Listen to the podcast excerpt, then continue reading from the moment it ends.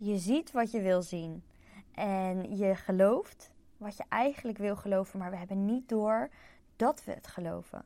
Het vindt allemaal plaats op je onbewustzijn. En waar heb ik het nu over? Het is dat wij de wereld waarnemen op een manier door de dingen die we hebben meegemaakt. Door dus de normen en waarden die we leven. Door de overtuigingen die we geloven. En ik wil je even een, een, klein experimentje met je doen. Want wat nou als je heel even je handen, ik heb het in de vorige podcast ook gedeeld, maar even je handen naast je ogen doet. Je doet je handen naast je ogen, gewoon plat. En je maakt een soort van tunnel voor jezelf. Je kijkt naar voren en je bent beperkt in je zicht. Je, kijkt, je ziet gewoon nu de dingen die voor je zijn. En dat kan je op dit moment waarnemen. Nou, zo kijk je naar het leven. Want je kunt niet overal bewust van zijn. 95% is onbewust, is maar 5% bewust. Dus maar 5% hiervan kun jij waarnemen. En onbewust gebeurt er dus, vindt er heel veel plaats. Alles wat je ziet, de keuzes die je maakt, dat doe je vooral vanuit deze tunnel. Vanuit deze perceptie. Als je één hand weghaalt, dus je mag weer twee handen naast je ogen doen. Je haalt één hand weg creëer je alweer veel meer mogelijkheden, veel meer keuzes en veel meer dingen waar je iets bij kan voelen. Hou je je andere hand weg, gaat er in één keer een wereld voor je open met allerlei mogelijkheden, met ja, uh, veel ruimer aanbod aan keuzes die je kunt maken, maar ook veel meer creativiteit en veel meer oplossingen voor dingen waar je tegenaan loopt het is allemaal niet zo zwart-wit in het leven. Het lijkt allemaal zo zwart-wit en zo goed en fout als je dus in die tunnel leeft. En als je denkt dat er maar één weg naar Rome leidt. Maar er zijn natuurlijk miljoenen wegen naar Rome.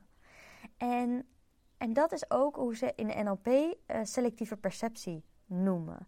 En het is een deel waarvan je dus de werkelijkheid kunt waarnemen. Het is iets wat jij ziet als de waarheid. En dit is zo interessant als je hier meer vanaf weet. Want dan ga je ook andere percepties kunnen zien van je leven. Dan ga je dus jouw wereldbeeld verbreden. Waarin één keer dus veel meer mogelijkheden gaan ontstaan voor jou. Dat je op een andere manier jouw wereld kan inrichten op de manier die jij wilt. En dat je in één keer oplossingen gaat zien voor problemen die je nooit eerder had kunnen bedenken. Waardoor jij dus jouw droomleven kunt creëren. Waardoor je dus je verlangens kunt naleven. En vooral in mogelijkheden gaat denken in plaats van belemmeringen of problemen. Ik ga je meenemen in deze podcast over dit onderwerp. Hoe jij dit ook in jouw leven kunt gaan toepassen. Hoe je dus een breder perspectief kunt krijgen.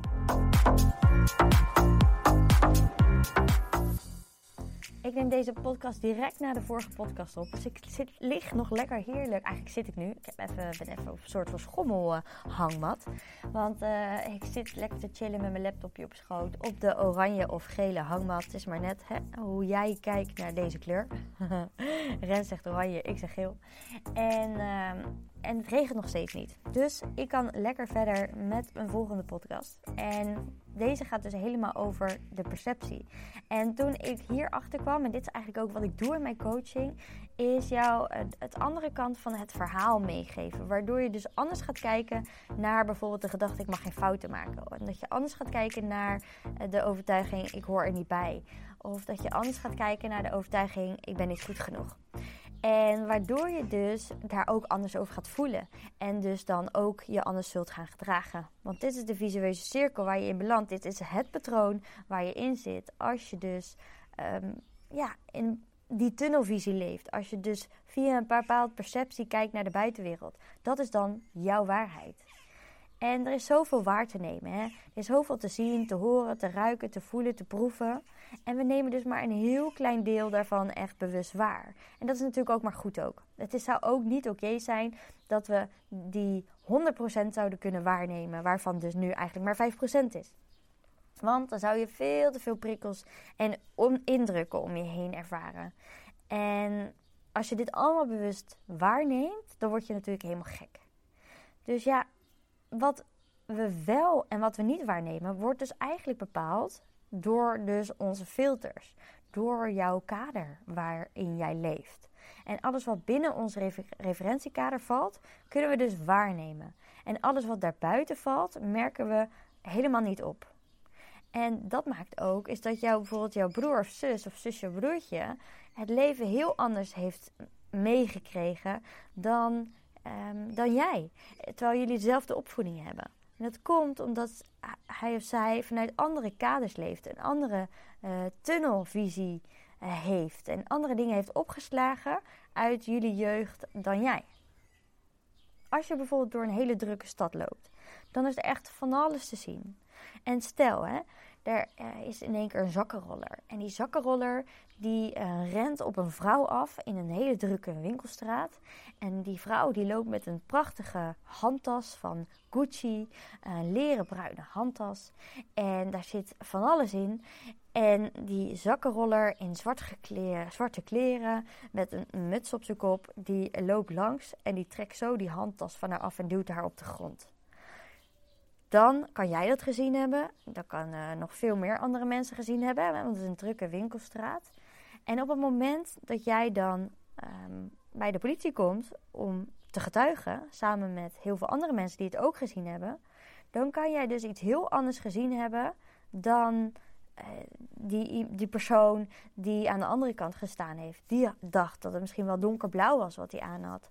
Of die had gezien dat hij een zonnebril op had en dat had jij niet gezien. Of er zijn zoveel details die jou misschien niet zijn opgevallen en de ander wel. En zo zeg je toch ook altijd van als je een geheimpje deelt. Dat deden we ook bij de NLP-opleiding. Is dat we je moest dan iets zeggen en dat moest dan doorgegeven worden. En dan de zin aan het einde, als hij langs 30 man is gegaan in zo'n kring, dan is dus degene die hem als laatste uitspreekt, is de zin helemaal vervormd en veranderd. Waarom? Omdat iedereen stukjes weglaat en filtert en ziet de dingen zoals hij of zij hem hoort, wat voor hij of zij dan de waarheid is. Maar is dat dan echt de daadwerkelijke waarheid? Is dat dan ook echt een fout? Iedereen vervormt, generaliseert en filtert. En nog een voorbeeld. Vraag vijf willekeurige mensen in de stad wat ze opvalt als ze om zich heen kijken. En dan weet ik zeker dat je vijf verschillende antwoorden krijgt. Want iemand die honger heeft bijvoorbeeld, die zal vooral etentjes zien. Iemand die op zoek is naar nieuwe kleding, ziet kledingwinkels. Iemand die echt een dierenvriend is, zal ook die duiven zien uh, op straat. En iemand die jonge moeder is, zal ook op de gevaren letten van een kind, van haar kind of iemand anders kind. Dat is dan hetgeen wat ze opvalt. En het is maar net door welke bril jij kijkt op dat moment. Wat je interesses zijn, wat je overtuigingen zijn en waar je focus op ligt. Dus we zeggen niet voor niets dat verliefde mensen door een roze bril naar de wereld kijken. En dat iemand die depressief is uh, uh, juist zwart kleurt en donker ziet. Dat heeft natuurlijk een reden dat we op die manier daar naar kijken. Dat heb je toch ook als je een nieuwe auto koopt. Is dat je in één keer iedereen in die Renault Clio ziet rijden. Wij hebben geen nieuwe auto, maar wel een Renault Clio. En in één keer zie je overal Renault Clio's. Dus zelfs mijn kinderen die zeggen het nu elke keer. Hey, onze auto, hey, onze auto, hey, onze auto. Het valt hun ook op. Dat is nu hun referentiekader. Of dat je bijvoorbeeld zwanger bent. Dat je in één keer iedereen zwanger ziet. Dat je denkt, hè? Jeetje, alsof iedereen ineens zwanger is. Dat had ik ook vroeger. Ik heb een uh, sterretje op mijn pols, een uh, tatoeage, een kleintje. En toen was ik 17, heel jong. En dat was ook de enige tattoo shop die er was die uh, die tatoeage wilde zetten. Want ja, ik was natuurlijk nog helemaal niet op leeftijd dat ik dat eigenlijk mocht zetten. Uh, hij ziet er ook niet geheel strak en mooi uit. maar goed, het heeft voor mij wel een hele bijzondere betekenis. Uh, dat was voor mij wel echt een dingetje van: ik ga even, even niet normaal doen. Uh, als je de vorige podcast hebt geluisterd, dan snap je mij. Want mijn ouders waren nogal van: doe maar even normaal. Dat is nu al gek genoeg. En er hoorde totaal geen tatoeage bij natuurlijk. En ik heb het toch gedaan. En toen, um, wat ik wilde vertellen, ik, ik dwaal een beetje af, merk ik. Maar oh ja, een sterretje. Dus ik heb een sterretje laten tatoeëren. En toen zag ik in één keer, nou echt bizar, binnen een half jaar, nou ik denk net na een half jaar, had iedereen een sterretje getatoeëerd. Maar echt iedereen. Dat ik dacht, hè? Dat hebben ze gewoon van ons gepikt, joh, dat idee. dus weet je, het is maar net waar je dus je aandacht aan, aan richt. En daarom gaat de module de eerste module van Bewust naar Rust ook heel erg over een nieuwe focus bepalen. Um, en focus bepalen op positieve gedachten, op positieve dingen in je leven. Op, omdat we zo makkelijk neigen naar dus de dingen die verkeerd gaan. Omdat we zo kritisch naar onszelf zijn. Terwijl er ook zoveel te zien is aan positieve dingen. Alleen die drukken we weg. Nou, een van de redenen waardoor je in zo'n tunnel zit, is door je overtuigingen. De overtuigingen die je hebt overgenomen van je ouders, van de mensen met wie je samenwoonde, leefde, school, vrienden, et cetera. En dat, die overtuiging voelt voor jou altijd als de waarheid. En we hebben allemaal overtuigingen. En je overtuigingen zijn dus een soort filters. En als je ervan overtuigd bent, is dat je voor het geluk geboren bent, dan zie je in elk nadeel een voordeel. En maar ben je ervan overtuigd dat je voor het ongeluk geboren bent, dus dat, ehm, ja, dat, dat het leven zwaar is en dat het moeilijk is en dat alles uh, een probleem is, dan zie je juist in elk voordeel een nadeel. Dus denk aan het glas half vol of het glas half leeg. Dus als je gelooft dat, iets, dat je iets niet kunt, ja, dan begin je er niet eens aan, toch? En geloof je dat je iets wel kunt, dan ga je vanzelf die mogelijkheden zien. Het is maar net hoe jij er naar kijkt. Dus deze zinnen, dit zijn gewoon zinnen die je zegt in je hoofd, die bepalen dus jouw leven. Best intens, toch? Dat is niet je hart, je gevoel. Nee, maar dat is je hoofd. Als jij de overtuiging hebt dat mensen eh, slecht zijn, dan zul je ook het slechte zien in een mens. Dan zul je ook bevestigd krijgen, zie je nou wel, die persoon die roddelt ook over mij. Of die persoon is niet uh, heel vriendelijk. Of die persoon die uh, is ook geen leuk mens. Omdat je dit gelooft. Maar geloof jij dat mensen gewoon over het algemeen hele fijne, lieve, leuke mensen zijn, dan zul je ook merken dat mensen jou in één keer gaan begroeten. En dat merkte ik. Ik geloof dit namelijk vroeger ook. Ik, geloof, ik had altijd heel veel wantrouwen in mensen. Dat is ook een beetje hoe ik ben opgevoed.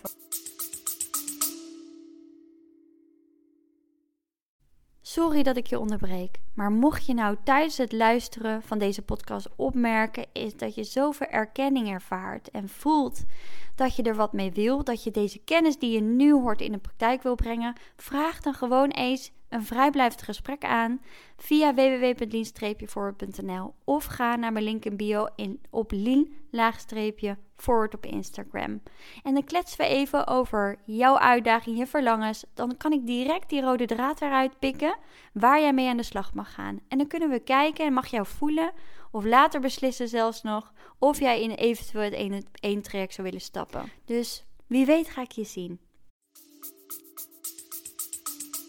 Kijk maar uit en doe voorzichtig en let je op. En er zijn zoveel mensen niet te vertrouwen en et cetera, et cetera. En toen ik dat ging shiften, dat ik in één keer wel mensen ging vertrouwen en dat dat mijn basis werd. Zo van, ik vertrouw mensen en ik heb liever dat ik, um, als ik bijvoorbeeld mijn tas ergens laat liggen of mijn telefoon ergens laat liggen, is dat ik uh, één keer Ehm, ja, die gestolen wordt. Van de 50 keer dat ik er even ontspannen in kan zijn. Dat heb ik liever dan dat ik continu moet letten op mijn telefoon en op mijn tas en et cetera, et cetera. Dus ik ga heel erg nu uit van het goede in, in plaats van het slechte. En sinds ik dat ben gaan geloven, dat, dat ik gewoon dat mensen te vertrouwen zijn, heb ik veel meer verbinding met mensen. Begroeten mensen mij, helpen mensen mij. Ik was laatst, of laatst al lang geleden, was ik aan het fietsen en toen viel de fles van Ibe op de grond. En het eerste wat mensen hier doen is stoppen voor je. Die gaan van hun fiets afstappen, die lopen naar die fles en die geven die fles terug. Nou, dat is fantastisch. En uh, ik had laatst dat Ibe muis laten vallen, had ik niet door. Kwam ook een mevrouw helemaal een heel stuk terugrennen. Hier mevrouw, je muis laten vallen. En nou, dat soort dingen, weet je. En, en, dat heb ik hier altijd. Ja, of het is hout, is zo bijzonder waar ik woon. Maar is gewoon heel vriendelijk en heel behulpzaam. Ik geloof er heel erg in is als jij ja, gelooft in positieve en, vertrouwt in het leven, dat je dit soort dingen ook naar je toe komen. En dat het dan ook bevestigd wordt, ja zie je nou wel, mensen zijn gewoon aardig, mensen zijn ook te vertrouwen. Een volgende uh, filter is dus focus. Hè? Dus waar je bewust of onbewust op focust, daar gaat je aandacht heen. Want je aandacht geeft dat groeit. Je kent die uitspraak vast wel. Die heb ik al vaker benoemd. Als je meerdere podcasts hebt gehoord, dan ken je deze. En dus waar jouw uh, interesse ligt, of waar jij je mee bezighoudt, of wat je interessant vindt, of wat je bang maakt, of waar je blij van wordt, dat wordt allemaal vergroot in jouw leven. En je kan niet overal tegelijk aandacht aan besteden. Dus je brein moet daar ook keuzes in maken. Dus hoe mooi is het dat je je keuzes maakt in waar je blij van wordt en waar je gelukkig van wordt, in plaats van waar je bang voor bent. Maar wij mensen richten ons gewoon heel vaak op waar we bang voor zijn, omdat we denken dat het ons beschermt. Maar dat werkt natuurlijk averechts. En zeker nu je dit verhaal hoort, weet je dat dit jou tegenwerkt. En als je zo je leven leeft, dan maak je dus vaak van een mug een olifant. Dit is namelijk ook iets waar ik heel goed in ben is dat ik mensen van dit zware gevoel een geloof wat ze hebben, bijvoorbeeld dat ze geen fouten mogen maken, of dat ze altijd aardig moeten zijn, of dat ze bang zijn voor wespen of honden of whatever, is dat ik ze laat zien, is dat het eigenlijk helemaal niet zo zwaar is. Maar dat het allemaal veel lichter is dan ze eerst hadden gezien. Ik verander je perceptie. En dan wordt het leven in één keer zoveel makkelijker. En ik herken het, hè. als je bijvoorbeeld uh, bang bent voor honden. Nou, dan ga je je nekharen waarschijnlijk overeind staan als er een hond in de buurt komt. Terwijl de ander heel vrolijk, met uitgestrekte hand, op diezelfde hond afstapt. Of hem misschien niet eens ziet dat die hond er is. En Jent, die heeft een beetje ja, is een beetje angst voor honden. En uh, ik moet zeggen dat ik ook wel een beetje dat heb gehad. En dat hij natuurlijk dat ook voor mij heb over kunnen nemen. Al doe ik heel stoer. Ergens voel ik een soort van zo'n onbewust gevoel van... oké, ik moet scherp blijven bij honden. Niet elke hond is te vertrouwen. Et cetera, et cetera. En ik snap niet waarom ik dat heb. En dat is iets wat heel lang weg is geweest... en dat dan toch weer een keertje terug is gekomen. En nou ja, dan merk ik ook... is dat als ik nu langs een hond loop en ik merk die gedachten weer op, want ik kan gelukkig die gedachten heel goed er laten zijn en die niet op ingaan. En ik zal het ook niet meer, uh, wat ik vroeger wel deed, is er een extra rondje omlopen, zodat ik niet langs zo'n hond hoef te lopen. Dat doe ik nu niet meer. En dan merk ik dat zo'n hond dat voelt. Dus zo'n hond komt juist op mij af. Want ja, wat je aandacht geeft, dat groeit. En dat zie je ook bij Jent. Als Jent, dat is mijn oudste zoon van vijf jaar, uh, langs een hond loopt, een hond gaat altijd naar hem toe. Altijd. Waarom? Die hond voelt het. Die hond voelt dat hij bang is. En niet dat hij hem dan iets aan wil doen, maar zo van, ja, dat trekt aan. Dit is gewoon die energie. Dus het is zo bijzonder om te zien ook. En nu waren we dus op vakantie in Frankrijk. En toen waren we in een joert. En um, dat was in de achtertuin van iemand. Die had een hele grote achtertuin. En die hadden ook een hond. Een zwarte, hele lieve hond. Nou, zwart met wit was die. Een beetje met heel veel haar. Ja, ik weet nooit die namen van die rassen en zo. En Jent was natuurlijk van super eng in het begin. En die hond, die kwam ook elke keer naar Jent toe. Die voelde gewoon dat aan. Die, die wilde hem gewoon, ik geen idee, maar die wilde het gewoon bewijzen dat hij oké is, denk ik of zo. Ik weet het niet. En Rens moest, en mijn partner moest eerst Jent het op zijn nek tillen als we van de auto naar de joert gingen. Want er was dan wel een hek. Dus we konden ook die hond daar aan de andere kant van het hek houden. En uh, op een gegeven moment, uh, stap voor stap, wilden we natuurlijk Jent wel laten wennen. En dat die hond er is en dat hij oké is, dat hij veilig is. Want het is juist belangrijk hè, dat als je ergens bang voor bent, is dat je niet uh, het wil gaan voorkomen of de confrontatie tegen gaat of dus een extra blokje omloopt. Want dan maak je het dus erger. Dan bevestig je dus dat je angstig mag zijn. Dat het goed is om die angst te hebben. En dan kom je nooit meer van die angst af. Dus je moet juist stap voor stap die confrontatie aangaan. Zo is dat met alles in het leven helaas voor de mensen die het eh, heftig vinden om uit hun comfortzone te gaan. En uh, ook dat is dan weer een overtuiging, overigens. Als je denkt dat, dat dat iets is wat je moeilijk vindt. Want dat is dan iets ook weer wat je gelooft. Um, maar op een gegeven moment, toen ging, uh, op een gegeven moment moest hij lopen dan Jent. En hè, we hebben het echt geleidelijk gedaan, hand aan hand. En dan zou ik even voor hem gaan staan als de hond eraan kwam en et cetera. En langzamerhand durfde hij hem te aaien. En uh, soms wilde hij er wel nog een beetje op afstand houden. Maar op een gegeven moment zei hij ook: Ja, de hond mag wel hier komen bij onze joert. En op het grasveld. En dan mocht hij lekker rondrennen. En op een gegeven moment ging hij dan wel op de trampoline staan. Dan was dan nog veilig. En ehm, af en toe ging hij eraf. En dan, weet je, dan durfde hij ook gewoon even dat contact te maken. En niet voor heel lang, maar dat maakt niet uit. Weet je, stap voor stap. Um, ja, kan je dan gewoon je angst aankijken. En op een gegeven moment merkte hij ook aan die hond... is dat hij Jen niet meer interessant vond. Ieder geval wel interessant van even leuk... maar daarna ging hij meteen weer weg. Omdat de Jent gewoon rustig kon blijven. Omdat hij goed kon doorademen. Omdat hij zijn angst overwon. Dus die energie brak. Weet je, die hond hoefde niet meer alleen maar naar Jent te gaan. Nee, het was ook weer interessant om bij mij te kijken te nemen... bij Ibe kijken te nemen of met Rens te knuffelen... En zo werkt het dus ook in het dagelijks leven. Met alles is gewoon wat je aandacht geeft, dat groeit is gewoon ja, de hele aantrekking die daarin zit. Als je dus je focus verandert, dan verander je perceptie. En de makkelijkste manier om dat te doen is door jezelf bewust focusgerichte vragen te stellen.